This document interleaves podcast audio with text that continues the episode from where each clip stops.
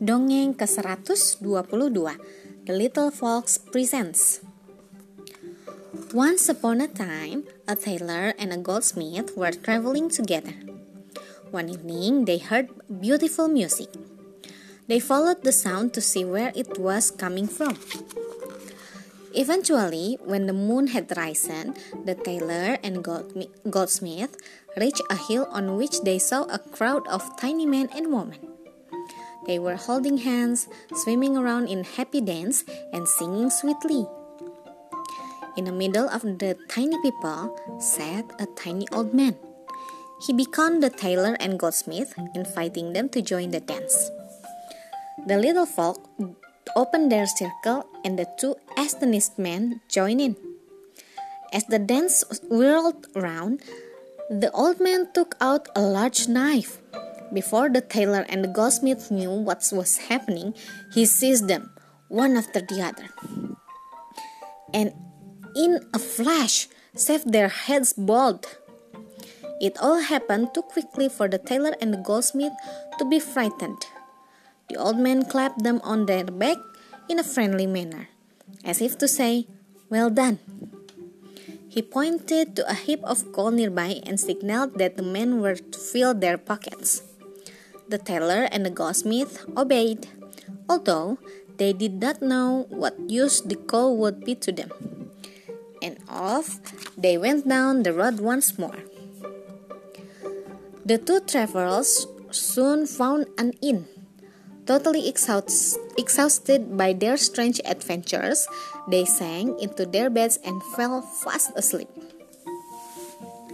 In the morning, the tailor and the goldsmith were astonished to find that their hair had grown back, thicker than ever. They were even more delighted to discover that their pockets were filled not with lumps of coal, but with gold. The two men were now rich, but the goldsmith was greedy. That evening, he left the tailor at the inn and hurried down the road back to the hill. There were the tiny folk dancing, just as before. Once again, the old man signaled for the goldsmith to join in, then saved him bald and indicated that he should take some coal away with him. The man not only stuffed his pockets, he also filled two bags that he had brought with him. Then, very pleased with himself, he set off back down the road to the inn. Next morning, the goldsmith hurried to examine his pockets and bag. But to his surprise, there wasn't any gold, only coal. He plunged his hands in, in again and again, but drew nothing out of them but black lumps. How disappointed he was! Oh well, at last I still have the first lot of gold I collected, he said to himself, and went to examine that. How shocked he was to find that his head turned back into coal too.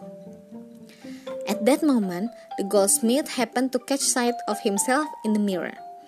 Not only was he still bald, he now had a huge hump upon his back.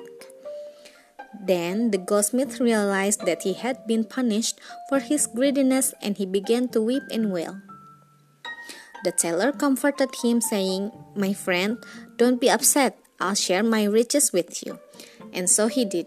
But the goldsmith could never forget the mistake he had made, for he had to stay bald with a hump on his back for the rest of his day.